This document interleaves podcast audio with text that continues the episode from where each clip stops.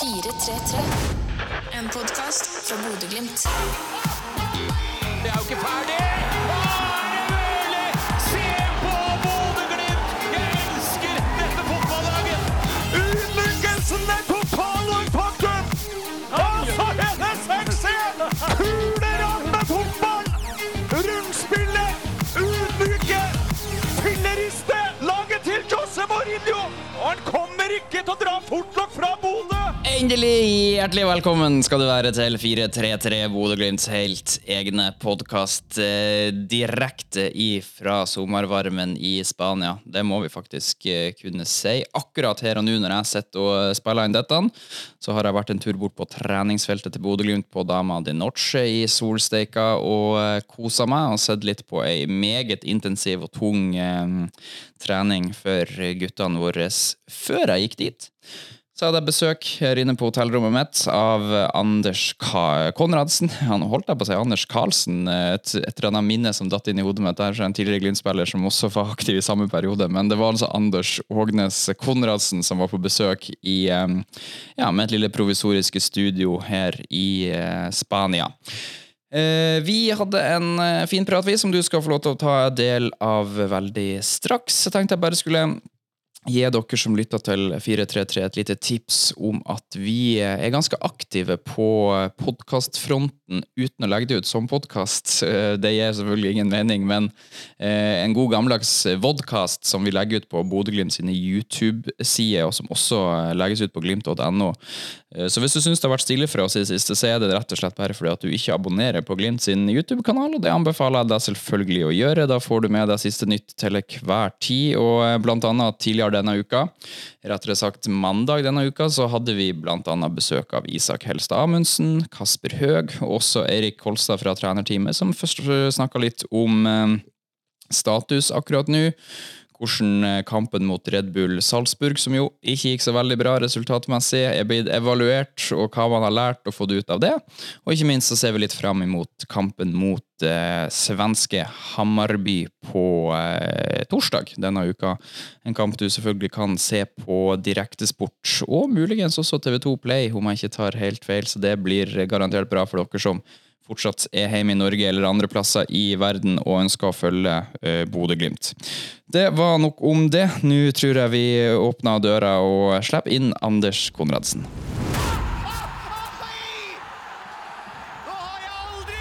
Han er ekte Bodø-gutt, tok tidlig steget opp til byens beste A-lag. Der ble det suksess for den første av etter hvert to Konradsen-brødre. Så bytta han ut Glimt med Godset, Godset med fransk fotball, før han vant det som vinnes kan i norsk fotball i Trondheim. Og etter at skoen var plassert på hylla, så reiser han land og strand rundt på jakt etter nye talenter som kan starte fotballreisen sin i Bodø. Velkommen til Fir... Oi sann, der fikk jeg for mange ord på en gang. Velkommen til 433, Anders Konradsen. Tusen takk. Du, eh, Vi kan jo begynne med hvordan du har det akkurat her du sitter her og nå. Akkurat nå har vi det jo veldig bra. Vi sitter jo her i Marbella på treningsleir med laget. og Vi har eh, en liten time før trening, og sola skinner og litt kaffe på kåpen, så det er bra. Ja, det er veldig bra. Eh, Vi sitter godt plassert på mitt hotellrom her, og sola sniker seg inn gjennom, inn gjennom gardinene her. Så nok en vakker dag i Spania. Nok en deilig dag. Det, ting ligger godt til rette her. Ja, det er bra. Du, eh, Det er sikkert mange som lurer litt på altså de, eh, Du kom jo tilbake til Bodø-Glimt eh, før 2022-sesongen, så ikke i fjor, men året før. Og så har du vært en del av Glimt-systemet egentlig siden det, men du er ikke fotballspiller lenger. Hva er rollen din i dag? Um, jeg jobber jo i teamet rundt eh, spiller, rundt han Håvard, rundt spillerlogistikk. Det er jo selvfølgelig noe som eh, som eh, alle i trenerteam også eh, involverer seg i og har jo bra oversikt over det som rører seg i hvert fall i Eliteserien og lag rundt. Men um, så er jo min rolle å, som du sier, da, å følge med på en god del fotball. Eh, på litt eh, lavere nivå i Norge og andre andre land. Så det blir å se, blir å se mye fotball. Mm, ja, for det, det, eh, er du, det man så jeg Vi bruker ikke ordet speider i Bodø-Glimt, men er det det man tradisjonelt kaller en speider, som er jobben din, eller er det egentlig andre typer arbeidsoppgaver? Nei, det er jo, det er jo en type speiderjobb. Det, det er jo det det er. Så hvordan ser, altså Du sier du, du, du må se en del fotball, og regner med at det ikke bare er på video og TV du ser fotball. så det blir en del reising. altså Hvordan ser en typisk arbeidsdag eller arbeidsuke ut for din del? Det varierer nå egentlig veldig, da. Nå um, har det jo vært veldig interessant å få litt eh, referanser fra rundt omkring eh, på hvordan en, eh, en speider jobber, da, først og fremst. Og det er jo forskjellige praksiser som, som klubber bruker i forhold til reisebelastning og hvor mye man ser kamper hjemme osv. Så, videre, og så, videre. så em, det varierer. Det, det er jo mye hjemmekontor med å se kamper og følge opp og sjekke detaljer. Og så er det jo noen ting, noen ting som eh, er såpass interessant eller eh, at man må reise for å, for å finne ordentlig godt ut av. Ja, Hva er en måte den største forskjellen eh, ved å se fotball live på en stadion kontra å se det på eh, TV? Nei, Det er jo det åpenbare at hvis man ser en fotballkamp live på en stadion, så har man jo hele, hele bildet hele tida. Hvis man følger med på én eller to eller tre spillere, så, så ser man dem jo i alle faser når ball er ute av spill. og og også når de nødvendigvis ikke er nærmest ballen når ballen er i spill, og hvordan de oppfører seg, hvordan de agerer osv. Og så, så må jeg jo si at det er jo ganske stor forskjell på Man får jo eh, i forskjell i inntrykket på det som går på kraft og intensitet eh, og fart. eh, Kan oppleves ganske forskjellig, syns jeg, da. Live kontra det å se på video eller TV. Ja, begge veier. Kan raske spillere virke tregere, og trege spillere virke raskere, eller er det ofte én vei det går? Eh, nei, det, det kan kanskje være begge veier. Altså, det, det er liksom bare Det oppleves ofte litt, litt annerledes. Så, um, så hvis man skal være helt sikker på, på intensiteten, for å si sånn, eller frekvensen til en spiller og kapasitet, så er det jo greit å se hele bildet i 90 minutter. Men da er det sånn at det er på en måte kalle ikke siste steg, men et, et senere steg i prosessen. Du starter alltid med video, og så reiser du når du først tenker at dette kan være en spennende spiller.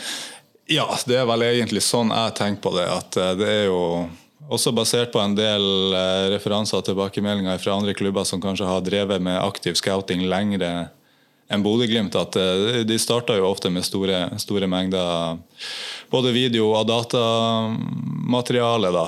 Um, og så er vel det kanskje i siste instans at man, at man reiser hvis det er noen som er såpass uh, interessant. da. Mm. Du er en av eh, selvfølgelig flere i, som du er inne på i trenerteamet som holder på med dette. Og eh, Robert Hauge er jo også en som eh, reiser mye og, og har samme type jobb som deg. Eh, Hvordan fordeler dere eh, reisebelastning og den type ting? Eh, nei, nå er det jo sånn at jeg er jo basert og bor i, i Trondheim, da, så det, det gir jo et ganske naturlig utgangspunkt for hvordan kamper i Norge, i hvert fall på, på alle nivåer som er naturlig for meg. Og Robert er jo i, i Bergen, eh, så det blir jo naturlig for han å ta det som er nærmest der. Eh, og også selvfølgelig når det kommer til uh, ja, type andre plasser i Norge eller Skandinavia, så, så sitter jo vi Vi prates jo selvfølgelig flere ganger ukentlig om eh, kamper som kommer, kamper som har vært, eh, ting som vi har hatt på agendaen og skal følge opp. Eh, så det, det gjør vi jo egentlig bare fortløpende vurderinger på, på hvem som eventuelt skal reise, og har jo en sånn grovfordeling på hva vi skal følge med på på hver våre kanter. Ja, for det er stort sett Norge og Skandinavia dere opererer i, da. Det er sjelden dere reiser videre ut i verden. Eh, nei, det kan, jo, det kan jo hende, det òg, selvfølgelig. Men det er noe et eller annet med det som, eh, som Glimt er og har vært og hatt eh, suksess med. At, eh, at det er jo et, eh, et, eh, en veldig kulturbasert klubb, så det hjelper jo så klart at man, man snakker språk og kanskje har et visst forhold til inntrykk av hva Glimt er, altså uten at det er et absolutt krav. Men det er klart at majoriteten vil jo alltids være, eh, være skandinaver. Eh, Ja. Mm. Ja, for Jeg har bedt uh, lytterne også komme med spørsmål til deg hvis de hadde noen. Og uh, Martin Norfarm har blant annet, altså Nå er vi jo inne på det han lurer på, men han skriver også at uh, vi ser stadig oftere klubber i Norge som henter spillere fra Afrika. Og så lurer han på altså, hva slags område i verden tror du det er mulig å finne den neste Boniface-casen til Bodø-Glimt? Eh, ja, hvis vi snakker sånn eh, type eh, som han eh, Viktor, da, så, så finnes jo dem sikkert flere plasser i verden, men det er jo det er jo ikke bare i Norge, det er jo eh, klubber i hele verden er jo ofte i, i forskjellige land i Afrika og, og ser etter spillere. og Der er jo mange akademier etter hvert eh, som, som jobber veldig godt, og jobber jo med å, med å utvikle den type spillere. Så um, jeg tror jo at der ligger det jo alltids potensial for, uh, for å finne uh, hvis vi skal si den neste Viktor, da. Det er et spørsmål som jeg kom til å tenke på her når vi satt og prata. før i tida, da Bodø-Glimt ikke var Norges beste fotballag og stort sett litt lenger ned på tabellen, så opplevde jeg ofte at i den perioden vi er inne i nå, altså preseason, så uh, var det stort sett eller jevnlig inntog av prøvespillere på trening. Uh, om de kom fra Afrika eller andre plasser. Det var, men det var ofte prøvespillere. Det er lenge siden jeg på en måte har hørt noe om i Bodø-Glimt. Er det fordi at Glimt har blitt bedre, og at man ikke trenger prøvespillere lenger, eller er det fordi at dere jobber på en annen måte? Det går jo det går nå egentlig veldig fra sak til sak. og så er Det jo, det er jo selvfølgelig veldig mye timing oppi denne biten nå med prøvespill. Nå er jo så du sier, Bodø-Glimt kanskje på en litt annen plass nå enn for eh, x antall eh, år siden. Så eh, med treningsopphold så er jo det egentlig en veldig fin måte å å bli bedre kjent med, med spilleren både som eh, type og person, som er jo kanskje det, det aller viktigste, og som er jo det vanskeligste å få et godt inntrykk av så lenge man ser dem eh, bare, i, bare i kamp. Eh, så skal jo det klaffe, selvfølgelig, med, med opplegget til, til A-laget.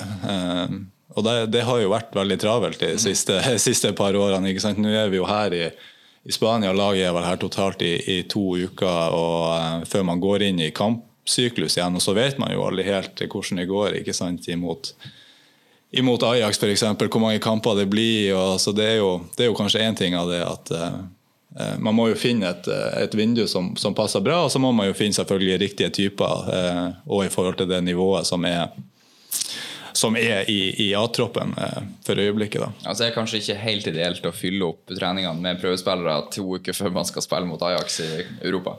Nei, Det kan jo være en, en faktor i det òg. Og så har vi jo, ikke sant Det er jo et antall, et antall som skal gå opp til, til treningene eh, og opplegget som er, som er lagt av, av trenerne òg. Og vi er jo For øyeblikket så er vi jo eh, et, et, godt antall spillere på trening bare, bare her i Spania akkurat nå. Mm, ja, det er fullt rundt lunsjbordene i matsalen her nå for tida. Du, du, nevnte det at du bor i Trondheim, og jeg fikk også et lytterspørsmål om det. Jeg mista det, så jeg husker ikke hvem som stilte det spørsmålet, men eh, spørsmålet var i alle fall noe sånt som hvorfor bor du i Trondheim når man kan bo i Bodø? Ja, ikke sant? Nei, det var nå egentlig bare um livet som, eh, som, gikk litt eh, for min del. da. Beinu hadde jo vel nærmere syv år eh, som spiller i, i Rosenborg. og og fikk etter hvert hus og hjem og to barn som går på skole og barnehage der nede. Og så var vi jo et år i, var jo, vi var jo et år i Bodø som spiller i 2022. Um, før vi da valgte å flytte tilbake med den strukturen som var der. Og så er det jo egentlig i forhold til den jobben som jeg har nå òg, så er det jo eh, egentlig en, en, en, fordel å bo litt utafor Bodø også, da, for at man er jo tettere på et, et annet eh, område med, med fotball. Da. Eh, man får jo sett mye både tredje og andre og Obos-liga i tillegg til eliteserie i Trondheim, og, og, og kan farte litt derifra i tillegg. da. For jobben du har i Bodø-Glimt, det er din fulltidsjobb? Det er ikke noe du bare gjør på sida for du syns det er gøy? Nei, det er, det er min fulltidsjobb, ja. ja. Mm. Så da, det, da går det fint an for deg, og også som vi er inne på Robert Hauge, som bor i Bergen. å eh, bo en plass og jobbe en annen plass, eh, sjøl om dere jo selvfølgelig reiser en del. Så eh, at det er en fordel, er jo faktisk ganske interessant. Og nå skal du gjør comeback i fotballen også som spiller, leste jeg avisen her. Du skal til Kiel Hemne. Fortell litt om denne avgjørelsen. Ja, jeg så òg at det har blitt beskrevet som et eh, comeback. Det kan vel hende. Det føles ikke som et comeback. Um, nei da, det var noe mer i, i, i, forbindelse med, eller gjennom min gamle venn Pål André Helland, da, som har en far som alltid har vært primus motor i Kiel Hemne. Og han og Pål altså, han har jo lagt opp eh, også sjøl på omtrent samme tidspunkt som meg. Og um, det var nå egentlig en ting som eh, vi hadde lyst til. Eh, litt for eh, å holde kroppen i gang. Fotball er artig, trening er artig, og så er det det, det sosiale med det òg. Kiel Hemne er jo i fjerdedivisjon i, i Trondheim, så der ligger det vel an til to frivillige treninger i uka på kveldstid. Og så må jeg innrømme at jeg har ikke helt oversikt over eh, kampprogrammet i sesongen ennå, men vi får se. Kanskje det blir en kamp eller to. Ja, Det hadde jo sikkert vært eh, veldig artig, for jeg spurte deg på trening her om dagen når du sto og så på guttene som spilte, om det kribla i fotballbeina, og da svarte du ganske kontant ja, så eh, du er klar til å komme deg ut på banen igjen. Ja da, er, altså, man kjenner jo det at eh, spesielt når man er her nede og sola skinner og gresset er veldig grønt og fint, så, så kribler det jo lite grann. Eh, så er det jo greit å huske på at det var en grunn til at man, man, man ga seg også. Da. Så Fjerdedivisjon kan jo være et, et, bra steg sånn spillemessig. ja, det er våre venner i Rabona fotballpod har også et spørsmål til deg om det. da. Skriv Kiel Hemne med Helland, hvem blir først skada? Ja, nei, Det er i hvert fall sikkert at eh, Fysmed-avdelinga, den grad det finnes, får det travelt i, i Kiel Hemne. Har du noen ambisjoner for uh, tida di i fjerdedivisjon? Er det opprykk og tredjediv som venter, eller? Uh Nei, vi har vel ikke rukket å ha en sånn her eh, full runde på hva målsetningene er der. Eh, jeg har vært med på, vært med på ei trening der, og det var nevnt i hvert fall i forbifarta at eh, hvis vi hadde klart å kvalifisere oss til første runde i cupen, det hadde vært artig. Ja. Så får vi se. ja, Da kan det jo bli gamle lagkamerater på besøk, for det er vel fort Rosenborg som kommer på besøk da? Uh, ja, det kan være godt hende. Ja. Mm. Du, uh, vi skal innom uh, det du har gjort i Rosenborg også, selvfølgelig etter hvert. Men du starta fotballkarrieren din i hvert fall på, måte, på, på et høyt nivå i Bodø-Glimt. Det var en sånn hospiteringsfase der du var i lag med bl.a. Stefan Johansen. Da, og fikk debuten din i 2007 i cupen mot Lofoten, hvis jeg ikke tar helt feil. I en uavgjort kamp som endte med ekstraomganger og seier til slutt. Jeg tror det stemmer. Jeg husker ikke om jeg kom inn i ekstraomgangene eller før, rett før fulltid, eller hva det var, men det, det er vel riktig, det, ja. Mm. Du, hvordan, for du er jo en, en Bodø-gutt, det vet vi jo. Hvordan var det, og Husker du noe om hvordan det var å få debutere som Glimt-spiller? Ja, jeg husker den, akkurat den kampen der ganske godt. Jeg lurer på om det var, vel, om det var Morten, eh, min bror, eller om han Espen, broren vår, imellom, som konfirmerte seg akkurat den dagen. Da. Ja. Og så var jeg med A-laget på et sånn elitefly over fjorden til, til, Lofoten. og så husker jeg jo at jeg kom inn og så husker jeg at det egentlig ble en sånn positiv opplevelse for min del der. da, Som du sa, vi tok oss nå videre på et vis. Vi sleit jo i lenge i første runde mot Lofoten, men uh, vi, vi kom nå videre, og jeg var vel med i store deler av ekstraomgangene. hvert fall, så um, det er egentlig et, et fint minne jeg har. Mm. Så tror jeg det må være eh, Espen som var konfirmant, for ellers så var Morten en veldig ung konfirmant ja, i 2004. Det, ja, det har vi rydda opp i det. prøve å tenke litt på det. Mm. Men du fikk noen fine sesonger i Bodø-Glimt. Du var jo en del av laget som Eh, du debuterte i 2007, Glimt rykka opp i 2007, og så tok Glimt Eliteserien sånn sett med storm i 2008. og Da var du en del av troppen. Eh, og så var det vel egentlig først kanskje året etter vi virkelig fikk se mer av deg? Ja, jeg var jo en del av troppen hele, hele, veien der. De to årene kan jeg nok ikke fortelle deg sånn på stående fot hvor mange kamper jeg var involvert i, men eh, da var nå alt det med å være en del av en A-lagstropp som var spilte i Eliteserien på det høyeste nivået i Norge, det var jo ganske stort og, og veldig nytt. Ehm, men jeg husker jo den følelsen, eh, opplevelsen av hele det 2008-året der som, som veldig positiv da, for, for, klubben og litt for min del. og Det, det er mye god læring i det. Men uh, akkurat hvor mange minutter det ble den sesongen, det, det vet jeg ikke. Husker jeg ikke nå. Nei, eh, Jeg skulle gjerne ha fortalt deg det, men TV 2 har lagt ned min hovedkilde til den type informasjon, alt om fotball. Så eh, oh, ja. jeg satt sjakkmatt. Jeg får ikke, får ikke funnet ut av noen ting lenger. Mm. Eh, men jeg husker spesielt godt uh, 2009 var jo en tung sesong for Glimt. Det endte jo med et nedrykk der. så Uh, når jeg tenker på måte på de Glimt-karrierer, så er det ett mål mot Ålesund, uh, borte, mener jeg, uh, som står fram. har du glemt det sjøl? Er det jeg som er på bærtur nå? Du må tenke på om jeg har skåra mot Ålesund borte. Har du ikke det? På et frispark? Nei Blander jeg deg med noen andre? Jeg tror du blander. Jeg tror, jeg tror i hvert fall ikke jeg har scora på så mye frispark. For jeg har aldri vært den frisparktageren i, okay. i skuddsone. Det, det, hadde vært kjekt å ha det alt om fotballen, så kunne vi sjekka det, men det kan at det går, går uansett. Ja. Uh, skal vi se 2009 Nei, det uh, ser ut som det er Johan Lærdre Bjørdal uh, som skåra det målet. På frispark? Ja Det kommer ikke opp. Men da har jeg blanda deg med Johan Lædre Bjørdal, Bjørdal, så da vet vi det. Ja. Ja, eh, Men eh, dere har jo hatt en relativt lik karriereutvikling. Endte opp i Rosenborg eh, der, begge to, så derfor eh, Du får unnskyldt, ja. ja. Det går bra. Men uansett, det ble en del skåringer på deg i 2010, og det er jo da på en måte i Obos-ligaen eh, du ja, gjør deg interessant for andre norske klubber, og Strømsgodset kommer på banen.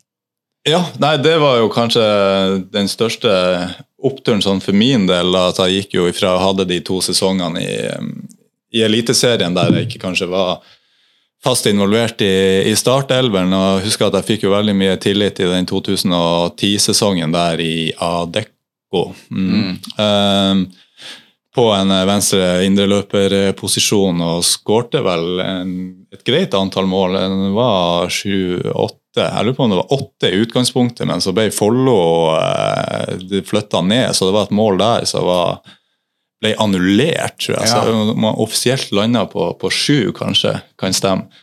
Eh, Ganske utrolig sånn sett eh, at både Lyn eh, så De gikk jo konkurs den sesongen. Ja. Jeg husker han Tiago Martin skåra tre mål i første serierunde mot de. Han mista vel alle de tre, og dermed også toppskårertittelen. Ja. Så mista du et mål mot Follo. ja.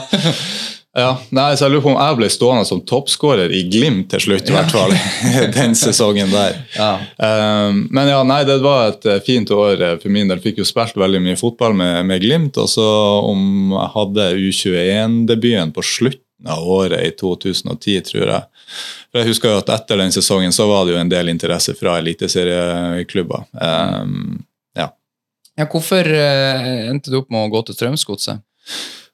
Nei, det hadde vel egentlig en, eh, en ganske god prosess på det der. Da. Det var jo som sagt en del klubber som var på tråden. Jeg prata vel både med, med Fredrikstad og Molde, og så besøkte jeg vel han Rekdal i Ålesund òg det året. Og så kom Godset på banen. Jeg var på et besøk hos, hos de òg, og fikk jo bare et veldig veldig godt inntrykk av uh, han Ronny Deila, som var trener på det tidspunktet, sammen med resten av trenerteamet der med Bjørn Petter Ingebrigtsen og Håkon Lunov. Uh, var vel òg der på det, det tidspunktet. Så um, ja, det var noe med hele profilen der, ikke sant, at uh, vi ønska å satse på, på yngre spillere, som jeg jo var da. og um, reiste hjem egentlig bare med en veldig god magefølelse på at det her, her tror jeg blir bra. Um, og så reiste jo han Stefan, reiste jo, Stefan Johansen reiste jo en måned eller to i forveien før meg der òg, så vi flytta jo på en måte dit i lag da og hadde, hadde noen veldig fine år i, godset. Mm, ja, for uh, han ble klar for Strømsgodset 1.1, og ifølge Wikipedia-artikkelen om det, så ble du klar 13.1, så det er noen dager uh, mellom. Så kan jo han ha signert tidligere på høsten, selvfølgelig. Men uh, det må ha vært fint å ha hatt en, en god kompis og eh, noen å lene seg litt på når man eh, kommer til en ny klubb, sånn sett. Ja da, det er jo selvfølgelig greit, det. Eh, I ettertid så vet man jo at eh, det er jo det er nå en utfordring å flytte på seg uansett i relativt ung alder, i hvert fall. Og så Innad i Norge så er nå fotballmiljøene de er nå ganske like hverandre i klubber, men det er jo vanskelig å vite da som eh, 19-20-åring. Eh, Så selvfølgelig, det er jo en trygghet at vi reiser sammen. Vi, eh, vi er jo var jo gode kompiser, jeg og Stefan, så det, det var veldig bra. Mm. Og så, eh, Du sier du hadde godt inntrykk av godset før du signerte. og dette er jo, Jeg vet ikke om hvor, hvilken tabellplassering de hadde i 2010, det husker jeg ikke, men nå begynner man jo å komme inn mot det seriegullet som godset til slutt tok i, i 2013, eh, med gode sesonger. Og et sølv eh, vel i 2012, om jeg ikke tar helt feil. Eh, Så det var et bra fotballag eh, du signerte for eh, i Ja. Eliteserien. Det er jo på en måte sånn helt uten sammenligning for øvrig. Det, det var jo noen likhetstrekk med det som kanskje har vært i Glimt de, de siste årene. At man bygde seg jo gradvis eh, oppover med ganske klart og tydelig fokus på kall det utvikling, eh, prestasjon og en del yngre spillere som tok veldig mange steg. Og det var et veldig sånn skarpt detaljfokus i hverdagen i måten man jobba på der. Eh, med et dyktig trenerteam og en bra sammensetning av spillere. Så jeg for min del var vel med på um, ja, 2011-2012-sesongen før jeg gikk videre. da. 2012 endte jo med, med den sølvmedaljen, da. Um, så de to årene der, uh, for min del, det viser nå litt bare hvor, hvor viktig det er for uh, spillere som uh, flytter på seg eller tar steget da, og treffer på hvis du kommer inn i en sånn type miljø, litt som det finnes i Glimt nå, så ligger jo alt til rette for at man fort, fort kan ta store steg som fotballspiller. Ja, og Godset ble eh, altså cupmester i 2010, eh, så det var åpenbart at de hadde noe på gang etter at de slo nevnte Follo da i cupfinalen, som var en liten sensasjon. Ikke at Godset vant, altså, men at Follo kom seg dit. Ja, ja. Eh, men eh, du Jeg har liksom alltid tenkt på at eller tenkt at du var med på det 2013-laget som tok gull, men du, dro altså før, så du fikk ikke med deg det seriegullet i Godset? Nei, jeg fikk ikke med meg det seriegullet. Jeg var jo med som sagt da 11 og 12. Eh, 12 ble jo sølv med godset, som selvfølgelig opplevdes eh, veldig stort for meg og for eh, hele klubben, eh, vil jeg tro, har jeg inntrykk av. Eh, og så var det jo i tillegg den 2012-sesongen der eh, parallelt med det at vi hadde, eh, fikk sving på det U21-laget som jeg var en del av. Eh, Og vi slo jo bl.a. Frankrike i playoff til EM-sluttspillet på, på Marienlyst over to kamper. da.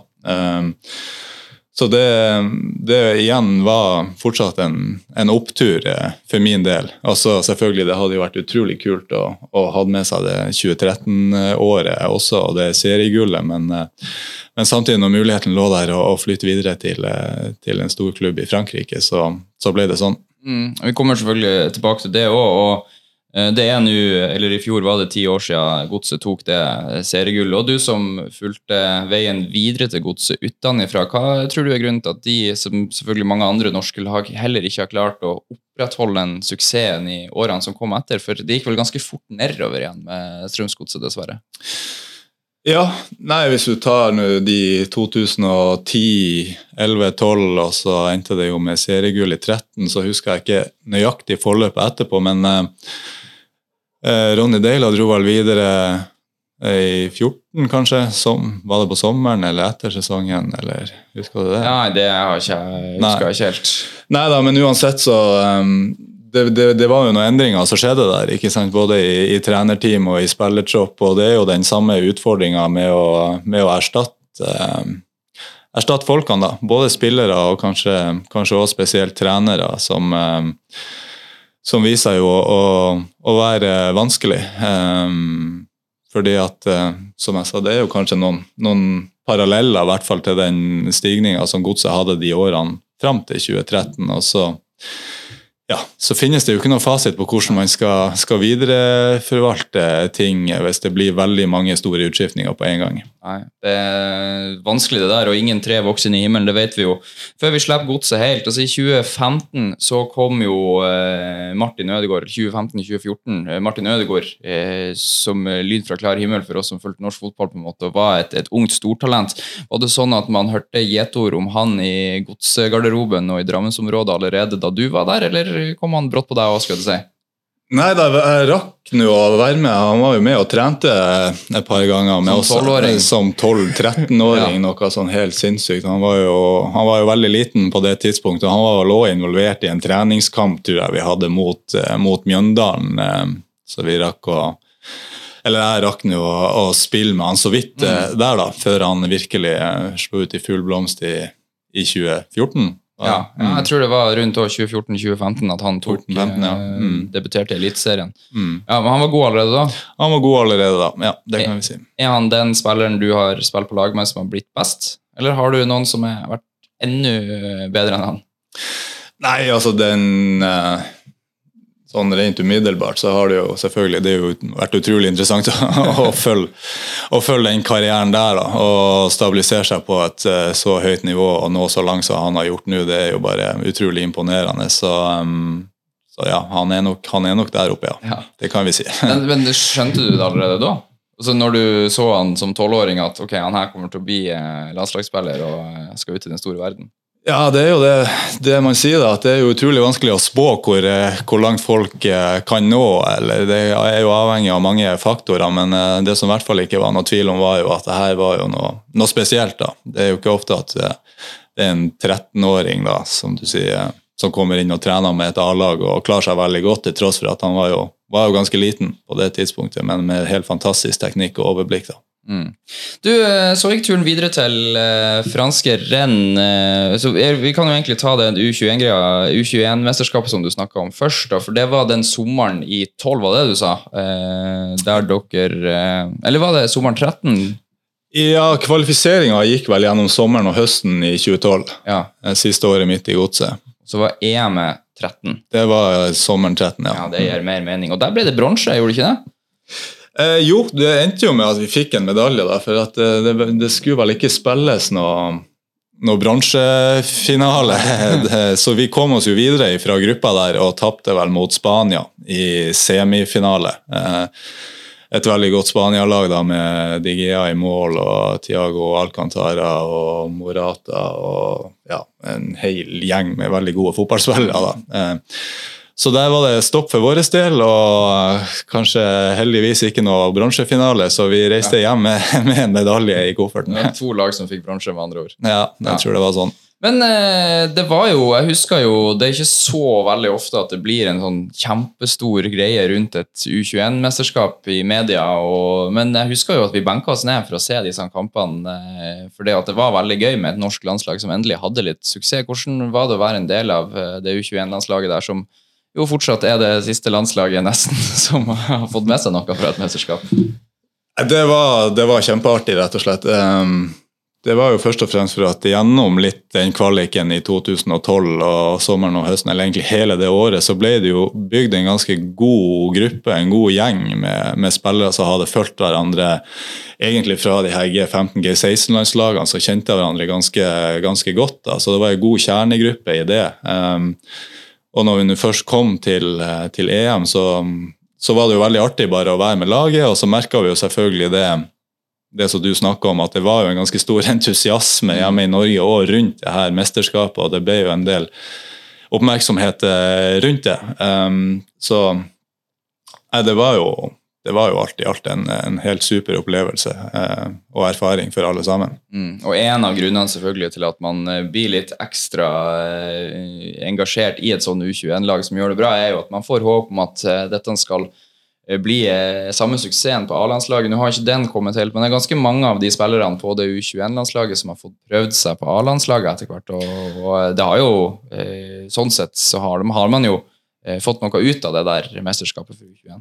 Ja, da, det tror jeg. Det, det er jo ganske mange kjente navn for fotballinteresserte som var med på det U21-landslaget, og det er jo ganske mange der òg som etter hvert har eh, som fikk A-lagskamper. Eh, om ikke alle etablerte seg fast der de neste ti årene, så var i hvert fall veldig mange innom i perioder. og det jo det avhenger jo av eh, de individuelle sitt karriereforløp òg. Men eh, det, det, ble jo ikke sånn at vi, vi løfta opp hele U21-landslaget og fikk på en måte samme suksessen. For det, det, er jo fortsatt en ganske stor forskjell mellom A-lags landslagsfotball og, og yngre landslaget ungdomsfotball. Så um, Men ja, det, det, kan jo folk google seg frem til. Jeg er sikker på at de kjenner, kjenner igjen mange navn på det U21-laget der. Mm, det er garantert at det er mange som har vært innom der. Og, og det A-landslaget, for du fikk jo noen kamper der du også.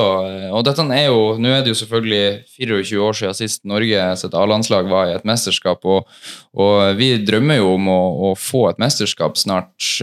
Hvordan er, var det på en måte for din del å være med på det landslaget eh, som jo eh, selvfølgelig er en stor greie i en fotballkarriere, å være med på et landslag, og så får man det ikke helt til, og veien blir ikke helt sånn som man hadde tenkt, og media er lei, og folk er lei. Ja.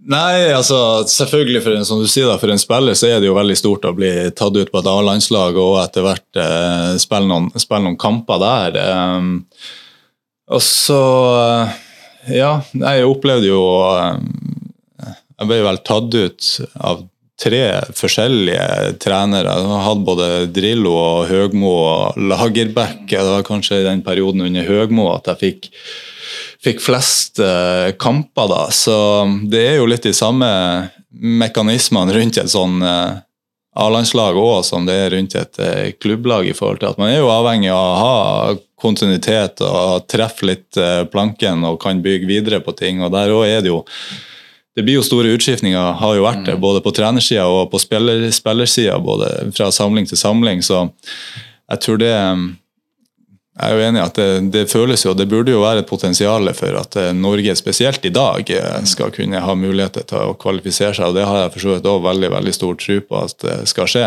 Um, men det er, det er mange ting som skal klaffe samtidig. da. Ja, og så føler man jo på en måte nesten at uansett hvor gode spillere som er på laget, landslaget, så er, det, er man alltid nesten.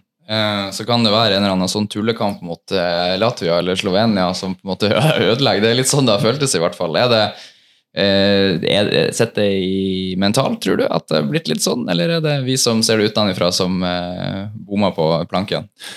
Nei, Det er jo litt vanskelig å sette fingeren på det sånn helt nøyaktig, akkurat det der. For jeg tror jo, uten at jeg har vært involvert på A-landslaget tett de siste årene, så, så tror jeg jo det er litt den samme følelsen der òg. At det liksom Det blir jo alltid, alltid nesten, da. At det er nå en kamp eh, mot et lag som vi burde ha slått, som, mm. som, som det på en måte ryker mot. da, og det kan jo se ut som en mental greie, men samtidig det er jo, det er jo mange ting som spiller inn. ikke sant, Med spilletid i klubb og spillere, hvem er tilgjengelig, hvem er i form osv. Så, videre, og så, videre. så så er jo fotballen eh, den er jo brutal. Mm. Så har vi joggebuksekeeperen fra Ungarn som fortsatt eh, hjemsøker drømmene våre. Ja, han tror jeg faktisk eh, Han satte seg på ballen. Det var en av de første kampene jeg spilte på A-landslaget. Hvis ikke jeg har drømt det her, eller om det begynner å bli en stund siden, ja. men det tror jeg var under Drillo i Ungarn. Han er i Ungarn, er han ikke det? Ja, jo da, jo da. Ja. Så jeg kom til en avslutning i en kamp der det gikk mellom beina på han, men han liksom akkurat så at den, her, den slappe joggebuksa bare fanga opp eh, ballen ja. mellom beina på han kom, ja, satsa akkurat på den. Et sikkerhetsnett mellom ja. beina, det er ikke dumt. Mm. du, eh, Vi lar landslag være landslag. Etter eh, sølvet i 2012 i Godset, så, som jeg var inne på i stad, så ender du opp i Frankrike og i Rennes. Fortell litt om, om, prosessen for at du endte opp der.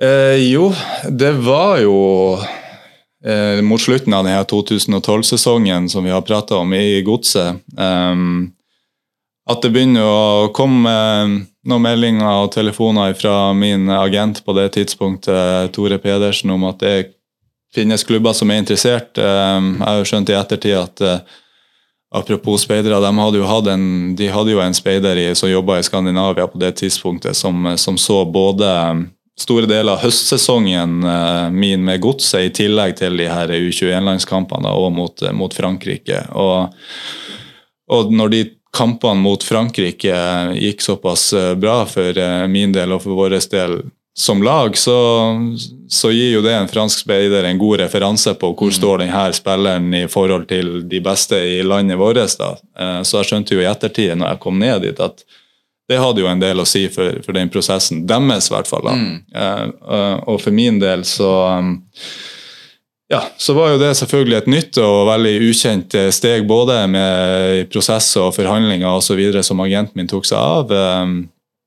Og månedene gikk nå fra første gangen jeg hørte om det, før jul, til at vi reiste på La Manga med, med Strømsgodset. Da lå jeg jo på rommene Stefan på La Manga. Mm. Eh, da agenten min plutselig ringer en kveld vi egentlig har lagt, og så sier at du, vi er enige, så du kan bare reise til eh, eller vi reiser til Frankrike i, i morgen. Eh, så da var det jo bare å stå opp på kvelden, selvfølgelig, skyhøy puls og pakke kofferten og fikk en flybillett og taxi dagen etterpå. Ha det bra til alle sammen, bare sånn som det. Så det gikk i praksis på dagen eh, føltes det jo veldig, veldig fort, og for at det gikk veldig fort. Ja, og Det, det høres jo nesten traumatisk ut.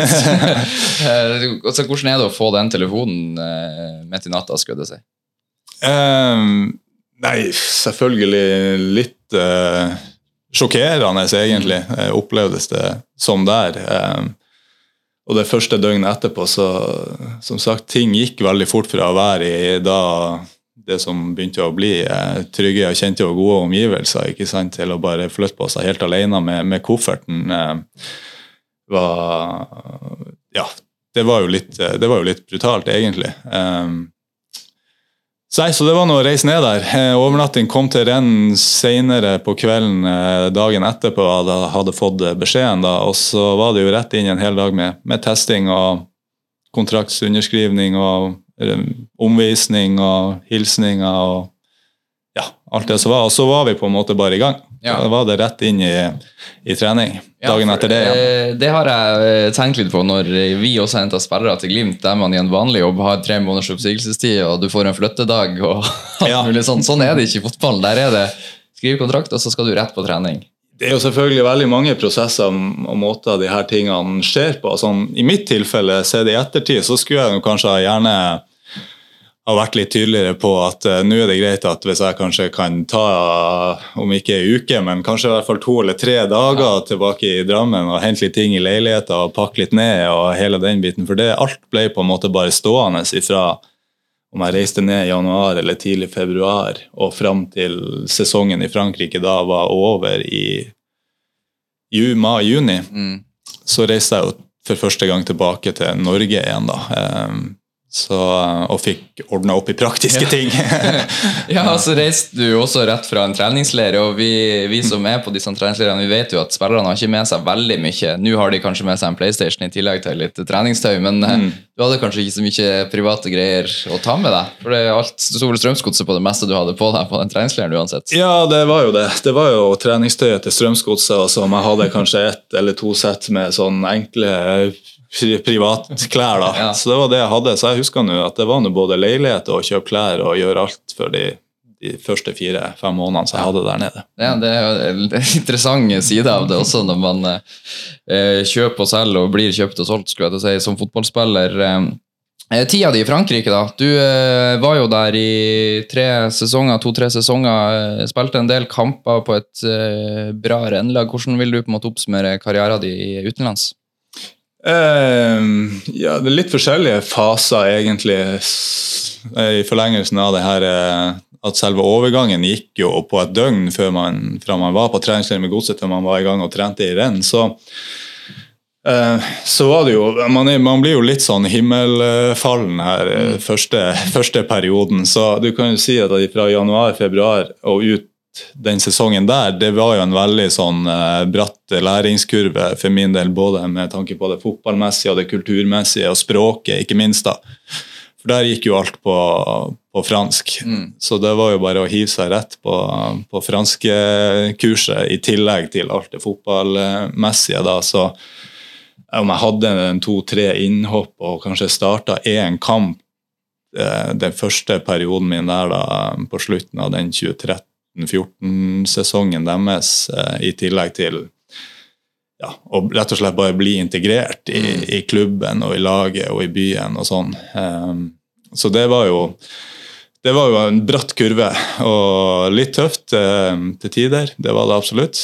Um, før jeg, den sesongen da var over og jeg var hjemme på sommerferie og egentlig rydda ut av leiligheta mi i Drammen da, um, og kom tilbake på en måte til en full oppkjøring, um, der man visste mer hva man gikk til og forsto mer av hva som faktisk ble sagt, og var kjent med ansiktene og en del av de andre spillerne og sånn. og det i seg sjøl å ha en full oppkjøring eh, før en sesong med et lag hjelper jo òg veldig på alle de her tingene. da. Og, Ja, det er jo eh, norske ungdom som bruker tre år og seks år på skole for å lære seg fransk, på en måte, og så går de ut og så har de kanskje ikke lært noen ting. Sånn er i hvert fall min opplevelse. Nå hadde jeg tysk, da, riktignok, men eh, jeg vet ikke, når man må lære seg fransk og man er litt pressa, hvor fort går det? ja, jeg vet ikke hva som er normaltid på det der, altså, men eh, jeg hadde nå for så vidt fransk jeg òg som valgfag på Ja. videregående, uten at jeg kan si at jeg tok med meg kjempemye av det. Men jeg merka jo allerede etter et halvår at da begynte man jo å forstå det meste av det som gikk på fot det fotballmessige. Eh, og det neste halvåret etter der igjen, så, så begynner man jo å tørre å hive seg inn i en enkel prat her og der, både på og utenfor fotballbanen og i garderoben. og sånn, Så jeg vil jo si at jeg brukte vel kanskje et, litt i underkant av et år på å kunne gjøre meg sånn ganske bra forstått og henge med på, på alt som ble sagt. da. Hadde du noen eh, lagkamerater som eh, ikke var fransktalende, som du kunne være litt sammen med hvis du ble for utenfor, eller var det Nei, faktisk Alt gikk på fransk. faktisk ikke den første perioden der. Nei, Um, det gjør det kanskje litt ekstra tungt, da. Ja, det, det gjør jo det. Eh, Og det er jo også litt sånn interessant fra sånn spillerperspektiv. eh, Apropos den, eh, den sommeren jeg kom tilbake på oppkjøringa, eh, så var det jo en spiller som de signerte, som er jo, det, det er jo et veldig godt minne for min del, er jo at um, en som heter, en spiller som heter Alou Diarra, som har veldig mange landskamper for Frankrike, mm. og kom fra jeg tror han kom fra Westham på det tidspunktet og snakka engelsk. selvfølgelig. Og Han var, har jo hatt en ganske omfattende karriere i Frankrike og England og på det franske landslaget. Og sånn, og han var bare verdens fineste, beste fyr. da. Eh, for Han skjønte jo at jeg ikke skjønte alt, og jeg var jo fortsatt relativt ung på det tidspunktet. Så når det kommer en sånn type karakter og ikke sant, eh, snakka, snakka med deg, rett og slett. Ja. Og i tillegg eh, ber deg meg ut og spise middag og lunsj og vise rundt og alt sånt, for det er jo en sånn ting som han ikke hadde trengt å gjøre i det hele tatt. da. Um, det blir jo på en måte ganske sånn sterke, sterke minner, og det ting som gjelder på for, for unge fotballspillere som kommer i nytt miljø. da, Bare viktigheten av at du har eh, litt sånn eldre som eh, som ser eh, alle da, og tar vare, tar vare på. Um, det har jeg tenkt på i ettertid, i hvert fall, at det, var, det sier mye om, om, om akkurat han. Um, ja, I tillegg til at man jo kom inn, inn i språket og kunne kommunisere bedre med, med alle andre, så ble jo ting mye lettere den første fulle sesongen min da, i Frankrike. Men den opplevelsen din med denne spilleren som, eh, som jeg antar at var noen år eldre enn deg da, og kom tilbake der, er det noe du har eh, tatt, med deg og prøvd å gjøre det samme når det har kommet yngre spillere inn i din tropp etter hvert? Ja da, det er absolutt Som jeg sa, det, det er sånne ting det, det satt jo et lite spor i meg, akkurat det der. da, Så absolutt, det prøver man jo og Det prøvde jo jeg å ta med meg videre i min, min spillekarriere òg, når det kommer nye og unge spillere inn i Uansett hvilken garderobe jeg har vært inne i etterpå. da, at um, Det betyr jo utrolig mye for en sånn ung eh, spiller som eh, kanskje ikke har helt styr på oversikt over alt og hvordan ting foregår, at en av de eldre, mer erfarne eh, tar seg den tida. da. Det betyr, det betyr mye. Så gikk det litt lettere for deg i eh, Frankrike da etter hvert, så jeg var inne på det, så altså, du fikk jo du spilte en god del kamper på de årene du var der, og, og ble en eh, sentral del av laget på mange måter. Ja, det var vel den sesongen her nå, hvis ikke jeg husker helt feil. eh, Min første fulle sesong som ble jo ganske bra. Altså, jeg følte meg jo som en eh, som en viktig del av laget og fikk eh, spille ganske mye kamper, om ikke Jeg spilte jo ikke alle kampene, men var nå hele tida inne i miksen og fikk en god del antall kamper. og eh, Sesongen i ligaen var vel ikke den, den beste for, eh, for vår del da, men vi hadde jo en ganske bra tur i cupen, som òg endte med, med en cupfinale på, på Stade de France i, i Paris. Um, så det var et eh, veldig eh, læringsrikt eh, år for min del, og, og fikk spilt en god del fotball. ja. Mm. Og når du sier at det endte med cupfinale, så vil jeg tro at dere har tapt den cupfinalen. Eller så hadde du formulert det annerledes, kanskje? Ja, det stemmer, det stemmer jo det. Det stemmer jo det. Det er jo egentlig en liten sånn historie i seg sjøl, det der, for at det var jo en utrolig optimisme i den cupen der. For renn var vel fram til bare for et par år siden et det er jo et av de mest tradisjonsrike lagene og klubbene i Frankrike, men som ikke nødvendigvis Jeg tror de aldri hadde vunnet den cupen eller ligaen. Nå kan det hende at jeg tar litt feil på det, men det var i hvert fall en enorm oppbygning rundt den cupfinalen vi skulle spille. I tillegg skulle vi spille mot et, det som på papiret og, og i realiteten er en mye mindre klubb. da. En rivaliserende klubb i, i Bretagne-området, da, så vi var jo store favoritter. Um, og jeg starta jo den cupfinalen der òg, men det endte jo dessverre opp med å være bare et, et blytungt minne for min del. Jeg spilte kjempedårlig og ble rett og slett pressa. Eh, stressa eh, av omgivelsene eh, ved at det er 85 000 mennesker på, på Stade de France i Paris. og Statsministeren og presidenten og alle sammen er inne og hilser på spillerne. og sånn, så vi kan si det sånn at Jeg presterte ikke så veldig godt i den kampen og ble vel bytta ut etter en times tid. og Vi tapte vel to eller tre-en, eller hva det var. for noe sånt. Så um, igjen, det var, det var tøff læring. Ja, og eh, om det er verdt noe, så kan jeg forstå at eh, man, man blir litt stressa av omgivelsene. eh, I hvert fall sånn for meg som ikke er vant til å være på fotballbane, så skjønner jeg at det kan være litt tøft.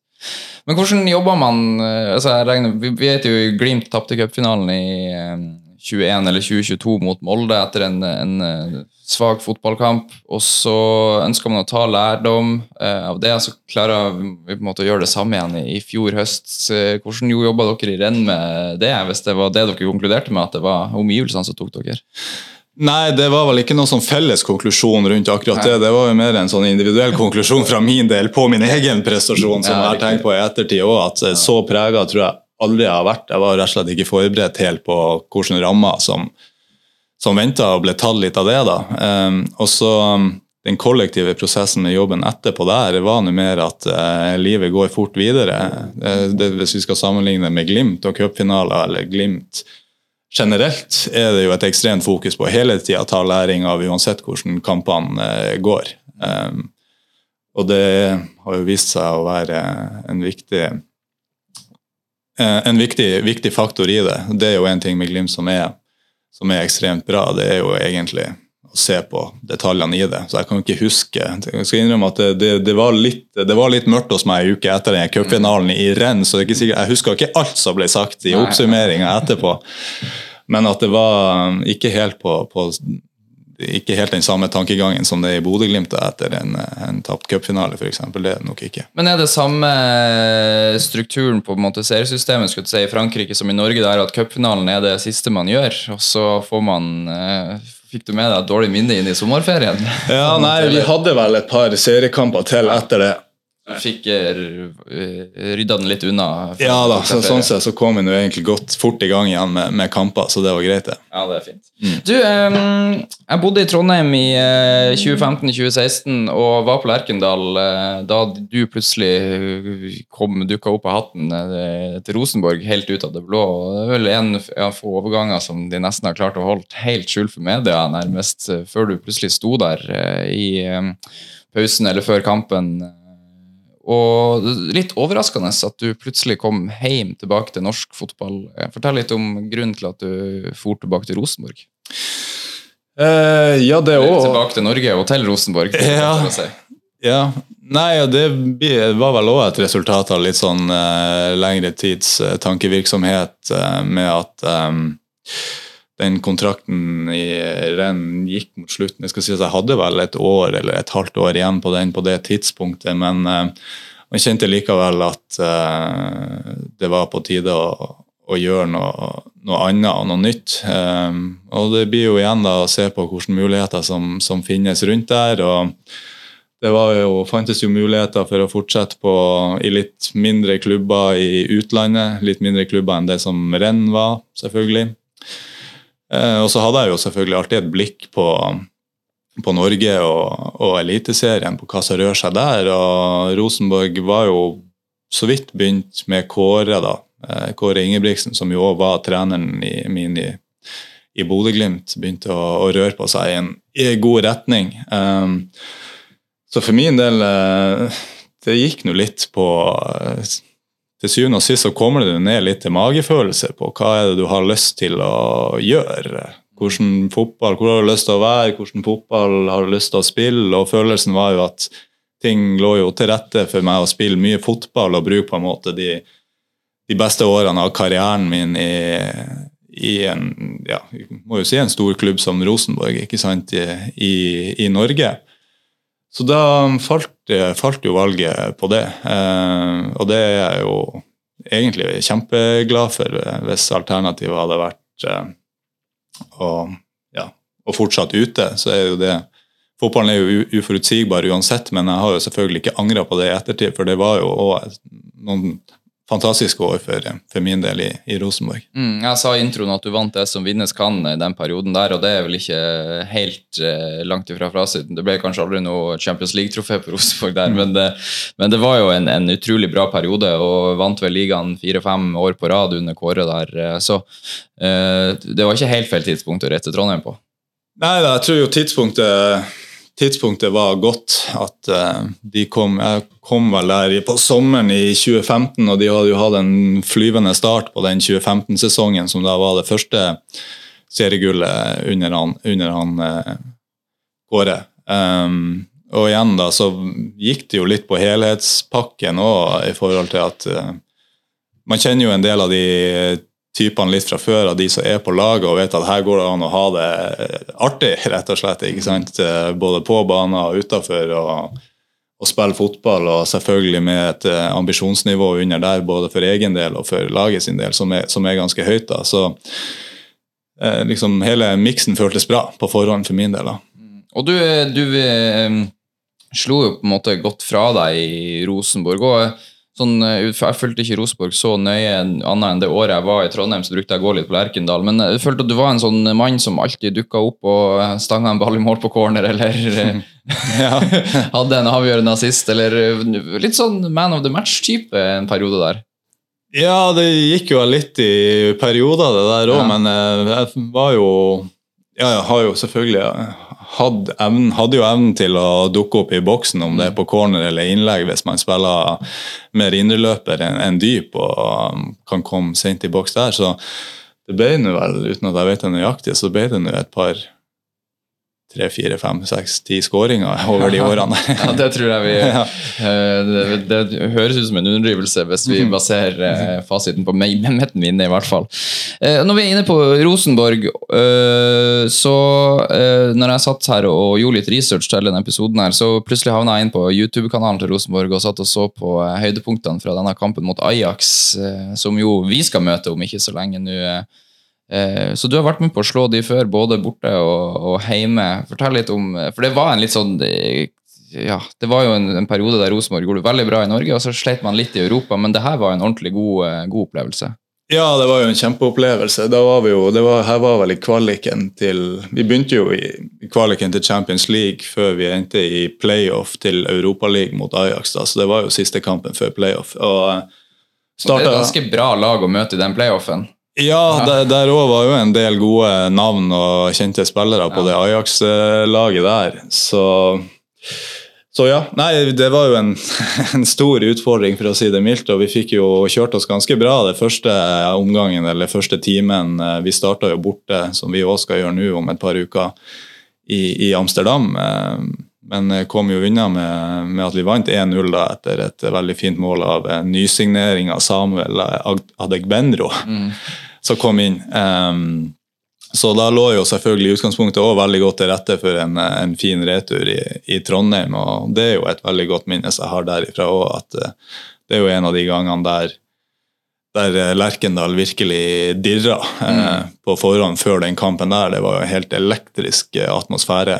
Og ja, og kamputviklinga der òg var jo dramatisk eh, nok. Ja. Så det ble, jo, det ble jo ganske euforisk til slutt, da, når vi vant jo 3-1. Var det det? 3-2, vel. Ja, 3-2, ja. Mm. Leda 1-0, og så henta de det opp igjen. Stemmer det. tok ledelsen 2-1, og så Ja. dukka Adegbenro opp to ganger Han, duk, han dukka opp igjen. det. ja. Og sånn var hans overgangssum ferdig betalt. ja, da var den i boksen. Ganske utrolig. Ja.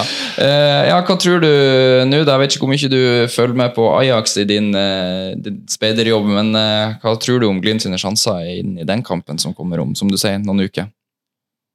Jeg er veldig, veldig spent på å se. Jeg skal jo innrømme at jeg har jo ikke gått inn i Ajax i detalj på, på laget deres, da, men uten at jeg har jo fått med meg det, det overfladiske med at det har jo vært en veldig urolig sesong med de og trenerskifter og starta jo utrolig svakt. Jeg vet ikke helt hvor de ligger akkurat nå, men, men eh, hvis vi tar utgangspunkt i oss sjøl, så, eh, så er det selvfølgelig det er alltids, eh, alltids muligheter. Mm, det blir eh, spennende, og det var vel også sånn da du var i, i Rosenborg og møtte Ajax, så så vel folk flest på Ajax som favoritter i den kampen, selv om Rosenborg var et bra lag på den tida. Ja, ja, absolutt. Vi, vi var jo underdogs da, og det, det vil jeg jo tro at folk regner jo Glimt ennå som en eh, underdog imot Ajax. Det blir uh, spennende å se det, i alle fall. Du, Jeg vet ikke om det er så uh, mye mer skulle du si, å si om Rosenborg-karrieren. Eller det er jo selvfølgelig mye å si. Det ble jo cupgull og seriegull og en fantastisk eh, periode for Rosenborg sin del. Og uh, Der har også kommet et spørsmål fra Andreas Mosti som lurer på om du kan si noe om hva som måtte skille kulturen i Glimt anno 22-23 eh, og Rosenborg fra 15 til 19, som jo begge gode lag i norsk fotball. om det er noen forskjeller og likheter der? Uh, ja, jeg kan jo først si at jeg uh, har et ganske sterkt inntrykk av at uh, Glimt eh, de siste årene med det trenerteamet og den spillergruppa som har vært der, har jo vært med og pusha lista sånn kulturmessig hva angår egentlig alt av eh, taktisk og trening og ja, det hele, til et nytt nivå de siste årene. Eh, og så var spørsmålet fra rundt 15 til 19. Ja. Ja. Nei, altså, I Rosenborg-garderoben på den delen, det var jo en ekstremt sterk eh, vinnerkultur, da. Eh, kan, kanskje kontra mer den, den ekstremt sterke prestasjonskulturen som er i Glimt nå. Eh, det, var jo litt, det er jo litt for, forskjellige utgangspunkt på klubbene. sånn Historisk sett eh, så tror jeg jo den enda Glimt har begynt i nå, er, er veldig god. og Man ser jo flere flere lag tar mer og mer etter, etter, det og har enda mer et sterkere fokus på det her med prestasjon og utvikling kontra resultat og vi skal vinne. Eh, fordi at i hvert fall i de årene der som han spør om i Trondheim, så, så, ligger jo lista på at det skal være seriegull og det skal, det skal være Europa og ferdig med det. Mm. Um, så det det legger jo på en måte litt føringer for eh, forskjellene i, i kulturene eh, mellom Glimt og Rosenborg i de årsperiodene som han spør om. det. Ja, Det er et større press i Trondheim, kan man vel kanskje si? Ja, det, det, det er det. Det er et større, er et større press på, på, resultat. Eh, det var i hvert fall det da. Eh, også Ting har jo endra seg ganske fort de siste fire-fem årene, både mellom Glimt og Rosenborg og andre lag i, i Eliteserien. Så ja. Du, eh, Tida går veldig fort her, så vi må begynne å runde av, for vi må sprenge på uh, trening straks. Eh, Anders. Men eh, eh, du har jo en lillebror som jeg var inne på eh, tidligere her, som også har spilt fotball. og Du har jo blitt gjenforent med han et par ganger. Han var en tur i eh, Trondheim da du var i Rosborg, og så kom du til Glimt da han ennå var i Glimt. Hvordan har det vært å, å følge hans karriere fra sidelinja? skulle du si? Nei, selvfølgelig artig. Man ønsker jo selvfølgelig det beste for, eh, for sin bror i, i, fotballen. og det er jo, Følelsen med Morten er jo at eh, til tross for at han er jo blitt 27 eh, nå, at det er noe veldig uforløst der ennå. Han har jo vært uheldig med skader og ja, ikke hatt den kontinuiteten i, i, kamp. Han har jo vist et veldig bra nivå tidvis både i Rosenborg når han var der, men også i Glimt de siste årene. at han han har et høyt nivå inne. Det har vi sett i kamp og vi ser det ofte i, ofte i trening. Så jeg håper at eh, der han er nå i Haugesund, at han får den roen og kontinuiteten, får trent godt. Og ja, får spilt mye kamper rett og slett og stabilisert seg på sitt beste nivå. Så blir det spennende. Ja, for Det er ingen tvil om at han er en god spiller. og Han uh, har jo han, har jo vært skadeplaga, men han har jo også vært med på utrolig mye kult i Glimt. Blant annet så spilte han jo kampene mot Romas, og, uh, og de her kampene var med å vinne 6-1 der. Så uh, han føler at han har brukt og levert de gangene han har kommet inn. Da, så det er kanskje skadene som har holdt han tilbake. Ja, det er i hvert fall en, en, del av det.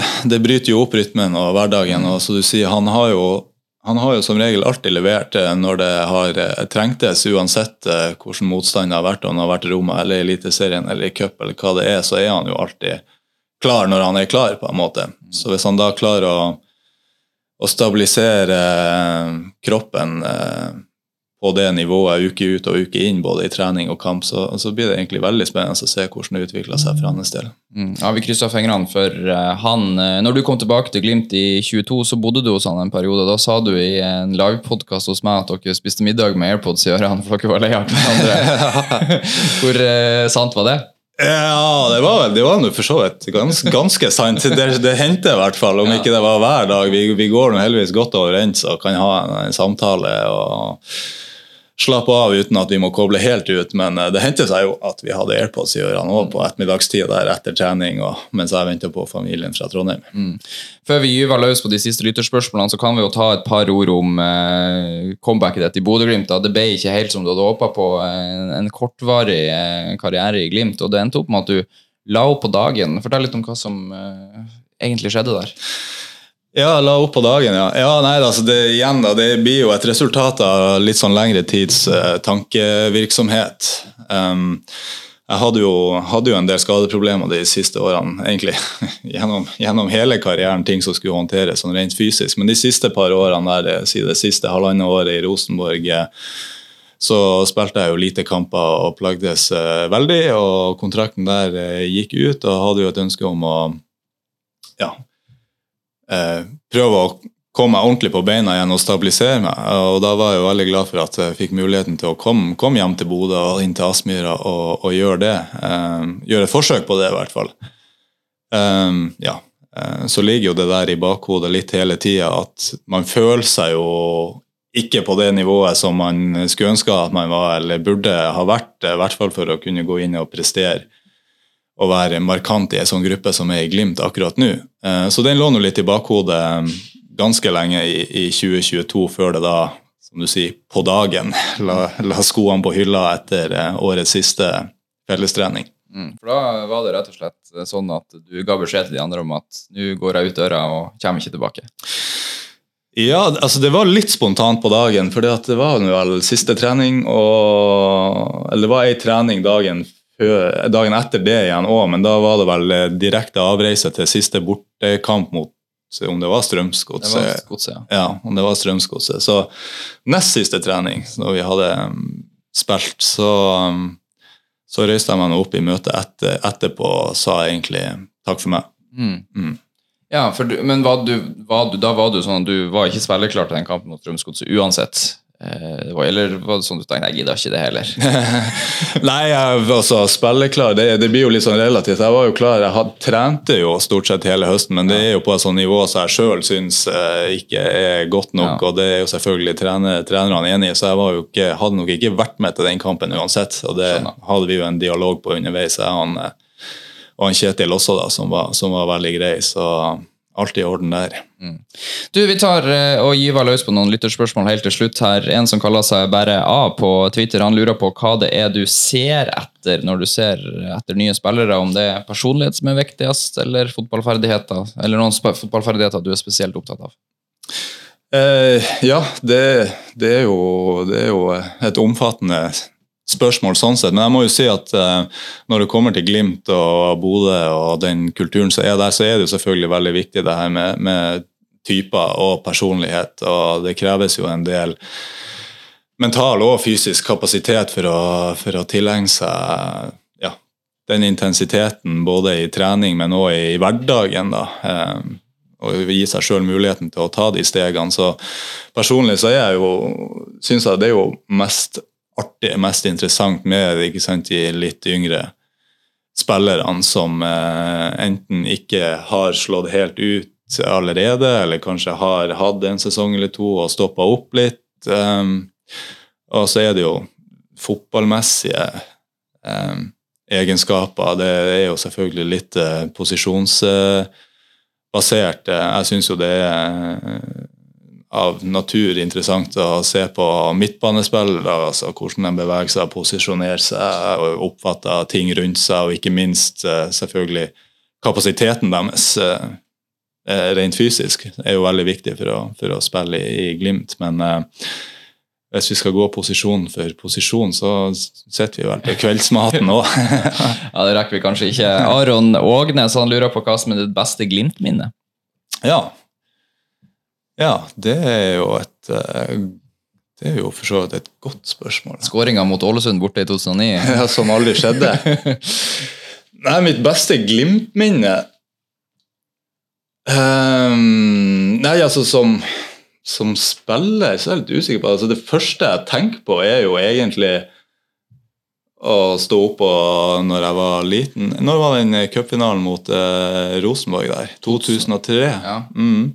Det er egentlig mitt beste Glimt-minne, selv om det ble tap i den kampen. Men Ja. det var bare et eller annet med at eh, det var vel eh, hele familien og storfamilien. Vi brukte nå aldri å sitte og se på TV klokka ett på, eh, på en søndag, liksom. Men da var det litt sånn høytidsstemning i, i huset. og jeg husker, jeg husker bare den kampen så godt. Og det på en eller annen måte tente et eller annet i meg òg, tror jeg, som til tross for tapet, da, som, eh, som sendte meg lenger ned denne fotballspillerveien senere. da. Ja, ja. Mm. Så ble du cupmester for Rosenborg sjøl til slutt. Så. Ja, det, ja, det, ble, det gikk veien. Ja, det gjorde det.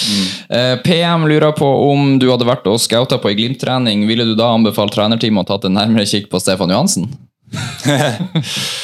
Ja, det er jo, eh, det er jo sånn at eh, han Stefan har jo vært med og trent, eh, trent masse, så der trengs det nok ikke så mye anbefalinger eller innstillinger eller beskrivelser. Der kjenner jo, der kjenner jo trenerne veldig godt til, til han Stefan etter hvert. Et eh, spørsmål fra Jens. Eh, Nå kan han at han frisker litt opp i minnet ditt, her, da, for han lurer på hva som er høydepunktet ditt på fotballbanen, og hvorfor var det da du satte seiersmålet i Scandia Cup med småguttelaget til Bodø-Glimt? Mm, ja.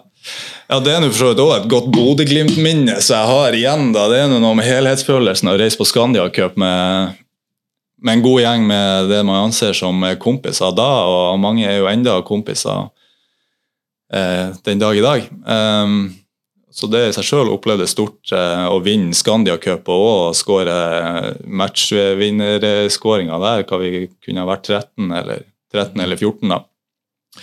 Det eneste minuset der var jo at vi ikke fikk spille inne på Lerkendal, som man brukte å gjøre i finalene, for Ja. den var under rekonstruksjon, Så vi spilte oppe på, oppe på eh, Lade, Ja. der Koteng Arena nå ligger, vel, på den banen der. Men, eh, men ja, absolutt eh, et godt minne. Ja.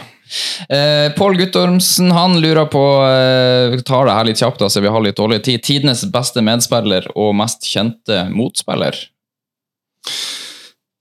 Ja, mest kjente og beste medspiller uh, ja. ja, skal man regne at man har spilla med i et halvt minutt med Ødegård, og ellers så er det jo, er det jo var det jo mye gode spillere, både med- og motspillere i, i Frankrike, og for så vidt òg i, i Eliteserien. Men jeg tror kanskje den som sitter sånn sterkest i meg, som at jeg fikk en umiddelbart sånn wow, det var nok han her eh, Osman Dembélé i Barcelona. Mm. Han kom jo opp gjennom eh, systemet til Renn på den siste sesongen min der. Og var med på treningsleir og spilte noen kamper der nede. og sånn. Han var jo veldig ung uten at jeg kan si nøyaktig på det tidspunktet hvor han var, men da var det sånn helt, helt bakoversveis på alle. Eh, så har jo han hatt en, en bra karriere i ettertid. Eh, og Den beste motspilleren vet jeg ikke, men, men det var i hvert fall sterkt for meg å varme opp eh, på sida av han David Beckham når han avslutta sin karriere i Paris, det første perioden min. Vi ble bytta inn omtrent samtidig. Om man ikke var den beste, så var det mer eh, hvis man kan si at man har et sånn starstruck-øyeblikk i fotballen. Ja, altså Spørsmålet er jo formulert som den mest kjente motspilleren. Oh, ja, det. Ja, Så ja. da er jo det rett svar, da. Da må jo det være rett svar, ja. ja. Ja, det var det. Du, helt, helt til slutt. eh, Jeg satt og gjorde litt research eh, til episoden i går. og så eh, eh, Når jeg søkte på navnet, så kom det opp en nyhetsartikkel fra eh, Adresseavisa som jeg ikke hadde tilgang på, der det sto at du eh, var blitt jordfar eh, Ja. for din egen datter. Ja. det vekka nysgjerrigheten min. ja. Eh, kan du sånn kort fortelle hva det var som skjedde? Kort fortalt så var det litt frem og tilbake på sykehuset kvelden før. Ja, Eh, sendt hjem igjen. Eh, og så blir jo Linn, eh, min eh, kjære samboer, litt forbanna på det. Hun skal i hvert fall ikke være til bry for noe helsevesen og drar for tidlig tilbake igjen. Så vi blir liggende litt på overtid før vi kjører i eh, sekstida, fem-sekstida ja. Morgenen etterpå. Da går vi ned trappa og kler på sko og er på tur å kjøre på sykehuset og skal ha denne fødselen. da. Når hun sier at hun, hun skal på en snartur på do først. Mm. Og da, og da går hun inn på do, og da, da er det noe hyling og skriking. Så da var det i gang. Og da var det bare oss to hjemme. Og da gikk det altså ja, 30 sekunder, et minutt, før hun, lille Sofie var ute, da. Eh, Jeg rekker vel så vidt å og legge meg på hornet til ambulansen og sånn, så de, var på vei. Men det endte med at vi satt der i en tre-fire minutter, bare oss tre, da ja. eh, og venta på at ambulansen skulle komme. Så jeg vet ikke, da er man kanskje om man, Jeg vet ikke om jordfar er en beskytta tittel, men eh, det var i hvert fall en stor opplevelse å være med på. da. ja, det vil jeg tro. Det høres jo helt sinnssykt ut, spør du meg. Ja, da var jeg ganske bleik etterpå. Ja, det tror jeg på. Men alt vel med mor og datter? Ja, ja, alt gikk, alt gikk eh, kjempebra, så fantastisk innsats til, til både meg sjøl, men kanskje mest til mor. ja. Ja, det er klart Når man eh, kommer unna med det med kun en litt bleik far, så er det vel en suksess. Da har det gått bra. Ja, det er veldig bra. Anders Konradsen, tusen hjertelig takk for praten. Jo, takk sammen. 433. Det var Anders Konradsen. Og hvis du er en av de som har sendt inn lytterspørsmål og lurte på hvor i alle dager blir det av mitt lytterspørsmål eh, Vi hadde litt dårlig tid før vi måtte sprenge bort på treningsfeltet her, jeg og Anders, så jeg rakk dessverre ikke innom alle spørsmålene som var kommet inn fra lytterne denne gangen. Der skal jeg skjerpe meg. Jeg skal prøve å få med alle i eh, episodene som kommer framover. Det eh, har du med et ord på, så fortsett gjerne å sende oss lytterspørsmål. Det kan du gjøre under postene våre på Eh, Twitter-kontoen vår, eh, eller X-kontoen som det nå heter. Fortsatt litt vanskelig å omtale Twitter som X, det må jeg innrømme. Men uh, uansett, det kommer forhåpentligvis flere episoder fra oss i podkastformat også etter hvert. Jeg skal prøve å få lurt med meg en spiller eller to i løpet av de neste dagene vi er her i uh, Spania. Så uh, enn så lenge så ønsker jeg bare tusen hjertelig takk for at du lytta på, og på gjenhør. Ha det godt, og heia Glimt!